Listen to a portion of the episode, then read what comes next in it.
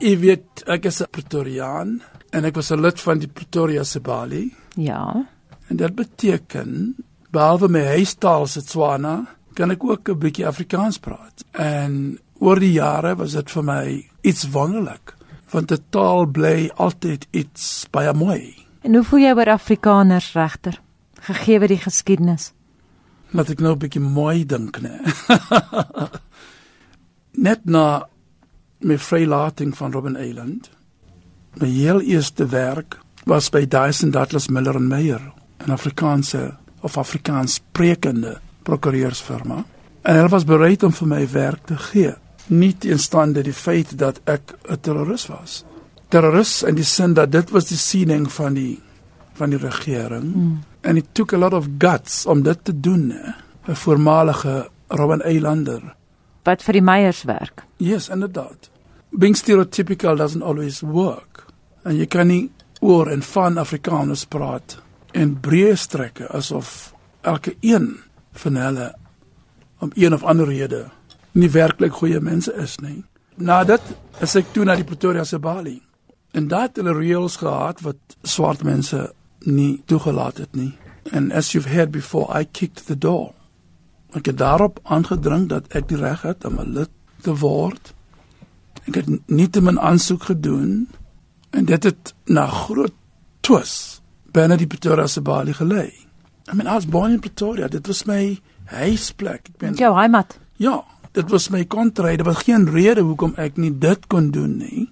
And I was not prepared to to surrender. Hoekom moet ek?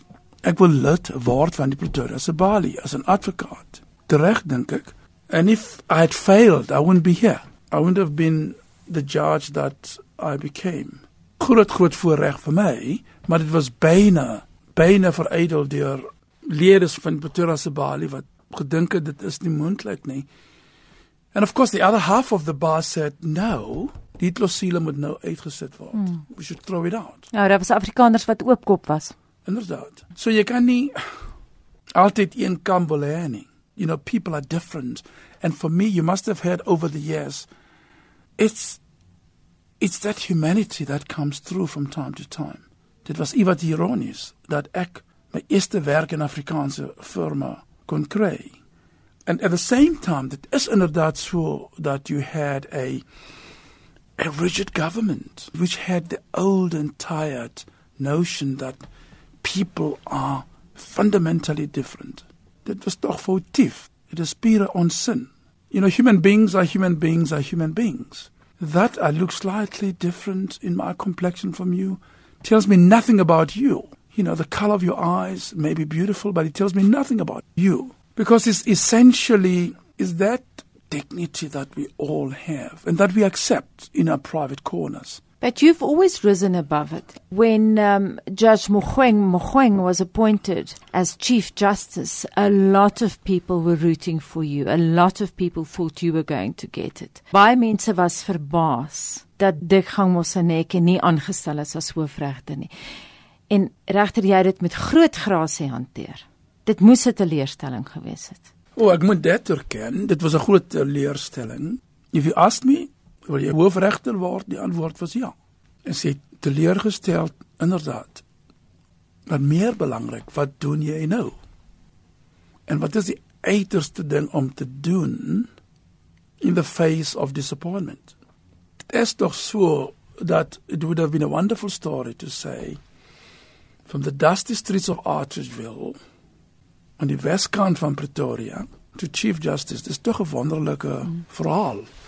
I had to take a deep breath and think it through and say luister seun, jy kan dit tog anders doen. Dit bly steeds belangrik om jou loopbaan voor te sit as 'n goeie regter, as 'n eerbare persoon, as 'n goeie mens.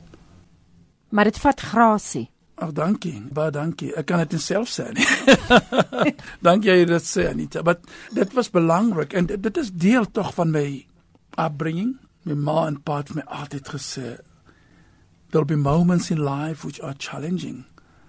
And weet jy wat? You've got to ride it. You've got to you've got to understand that you have no entitlement to anything. You have to try and and thanks God dankie vir hy wat daarbo is. Dit was tog moontlik. I remember I was blessed with remarkable health. Ek was altyd gesond. So I had the energy and the time to fight through all those little struggles. I mean, I remember going to a law firm which is Afrikaans speakend, and as the only swart ingeskrewe clerk. I mean, in the I'm talking the 70s. Mm.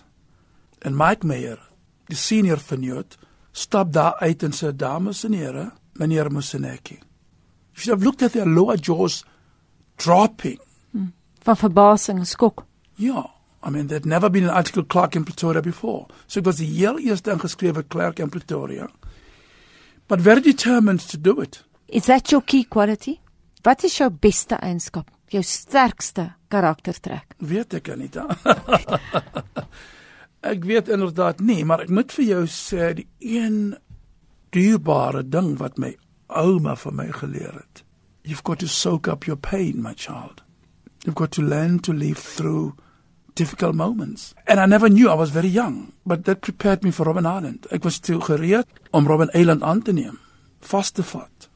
En ek was bereid om toe uit te kom om alles te doen wat moontlik is en wat dierbaar is. And that quality ran right through. So when the disappointment around the Chief Justice came, it was late in the day. I was the pro. I prepared myself. I was ready to be able to take on even the biggest disappointment. It was one of the big disappointments of my life. En wat was die beste van alles? Die beste deel as jy terugkyk oor jou lewe? Twee dink ek. Een, to bring up my children and live with my wife in the same space. Twee, die groot verrig om vir jou en vir ander te dien. As 'n regter in ons land. I mean I can't give it up for anything. Is jy bekommerd oor Suid-Afrika? Antwoord is nee, beslis nie. I mean, you've seen just the, the outpouring of compliments and happiness. And my granddaughter came up to me and say, Opa, you've been trending for three days. I think our people want to see good values, want to see a country that is forging ahead. And I think we're going to overcome wobbles, including the wobble of racism. Is jy bang vir iets regter? You seem feisty. Is daar enigiets waarvoor jy bang is? Wel, ek kan heel. Ek het dit openbaar nou die dag gedoen.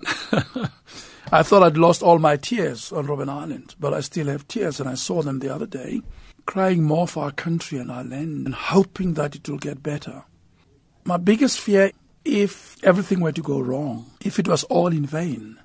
By that I mean we've done extremely well, but if things were to go belly up, mm.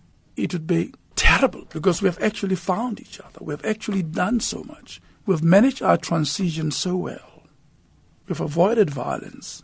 Ons moet net dit ook onthou, né? We very quickly rush to the negative. Maar ek dink inderdaad nie so nie. I really do think we have a chance in it. The many many positives are there and there are wobbles. Maar dit is uh wat is 'n obstacle? Dis dis dis tog 'n klein um struikelblok. Struikelblok. Hmm. En dit kan 'n mens een of ander tyd of een of ander manier verwyder, né?